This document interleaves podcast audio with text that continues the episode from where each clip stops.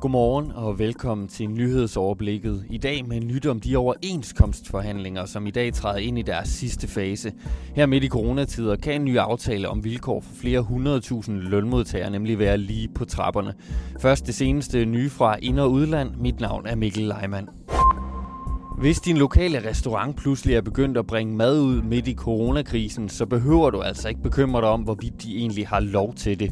Fødevareminister Mogens Jensen har nemlig givet restauranter, der ellers ikke leverer takeaway, lov til at gøre det, uden at informere Fødevarestyrelsen først. Jeg har da forventning om, at det her vil hjælpe en lang række restauranter, og det er selvfølgelig ikke registrering, der er hovedproblemet, men det kan lette øh, restauranterne i den her øh, tid. Sådan siger altså Mogens Jensen, og den her tilladelse gælder som udgangspunkt, indtil der er mere ro på situationen. Et andet tiltag, der skal lette noget af presset på økonomien, er en pakke på hele 750 milliarder euro, som den europæiske centralbank nu lancerer. Banken forklarer, at de vil begynde at opkøbe værdipapirer for at støtte aktiemarkederne, der på det seneste har set historisk store fald. Og så lidt coronanyt, man faktisk kan glæde sig over. For første gang siden viruset brød ud, har det oprindelige epicenter for corona, den kinesiske millionby Wuhan, ikke registreret nye smittede i løbet af det seneste døgn. Det viser nye tal fra Kinas Nationale Sundhedskommission. Og så ser vi frem mod noget, der altså kan få rigtig stor betydning for en stor del af landets lønmodtagere. For i dag der kan 600.000 privat ansatte og deres arbejdsgiver måske begynde at øjne en ny overenskomst, når forhandlingerne går ind i den sidste fase. Her går Rigsadvokaten nemlig ind og maler i forhandlingerne for at få høvlet de sidste knaster af, i dialog med Dansk Arbejdsgiverforening på den ene side og Fagbevægelsens hovedorganisation på den anden. Men selvom det jo aldrig er simpelt, når der skal flyttes rundt på lønkroner, så forventer Arne Grevsen, der er næstformand i Fagbevægelsens hovedorganisation, at vi snart får den endelige aftale at se. Alle parter er selvfølgelig enige om, at vi skal øh, nå til vejs ende hurtigst muligt under de vilkår, det nogle gange er med alle de restriktioner, det er lavet, men uden at det bliver noget tjusk.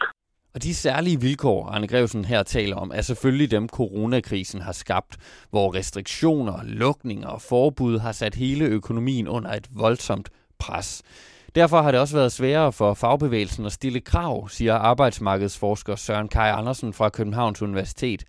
Som eksempel så nævner han aftalen for de 60.000 bygningsarbejdere i 3F, som tidligere på ugen lavede deres aftale man vil have et løft af lønnen for dem, der øh, ligger lavest. Men øh, så må man så sige, at det der jo så kom som den helt store disruptor, det er coronaen, og det faktum, at det rammer økonomien. Argumentet fra Søren Kaj Andersen er altså, at en situation, hvor krisen kan presse virksomheder og måske endda medføre fyringer i fremtiden, det gør det sværere for lønmodtagerne at forlange mere i lønposen. Men Arne Grevsen fra Fagbevægelsens hovedorganisation afviser, at usikkerheden omkring corona har fået bygningsarbejderne til at give køb på noget. Jeg vil rose øh, Claus von Elling fra byggruppen i 3F for, at man fandt et forlig i den situation, man var i her. Det har ikke været let, men man har gjort det nødvendige i den situation, det nogle gange var. Og arbejdsmarkedsforsker Søren Kaj Andersen, han deler forventningen om, at de sidste forhandlinger kommer til at gå sådan nogenlunde smertefrit. Netop fordi aftalen med 3F Byggegruppen var den sidste store forhindring. Ifølge fagbevægelsens hovedorganisation, så har over 90 procent af fagområderne fået deres egne aftaler på plads, mens der stadig er tvivl om enkelte brancher.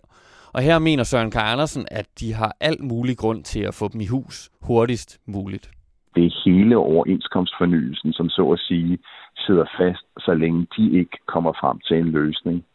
Så på den måde, så er det også alle kollegaerne, de kan risikere at komme til at tage som gisler i en konflikt, hvis vi endelig havnede der.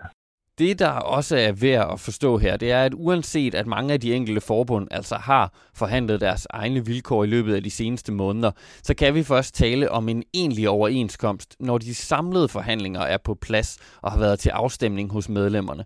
Jeg har også spurgt Dansk Arbejdsgiverforening om deres syn på overenskomsten, men de ønsker ikke at udtale sig, så længe de her forhandlinger stadig står på. I de her dage er der rigtig mange videomøder Europas ministre imellem.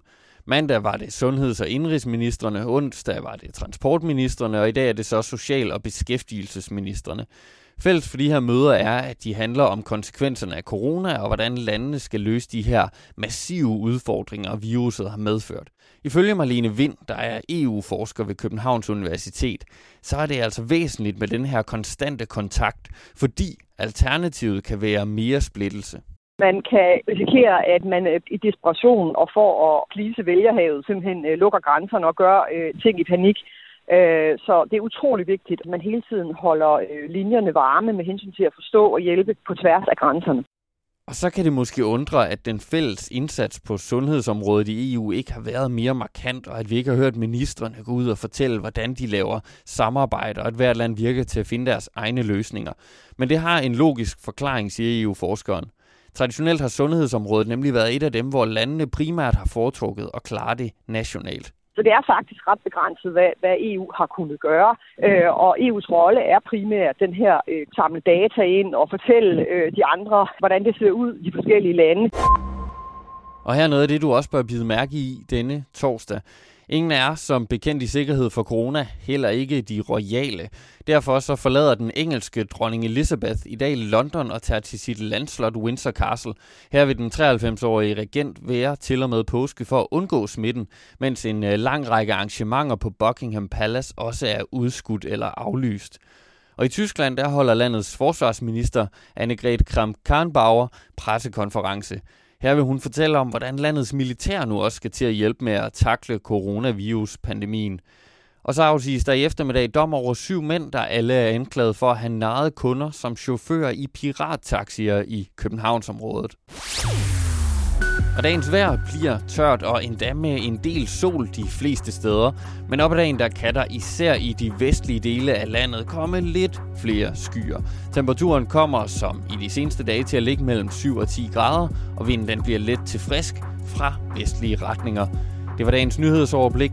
God dag.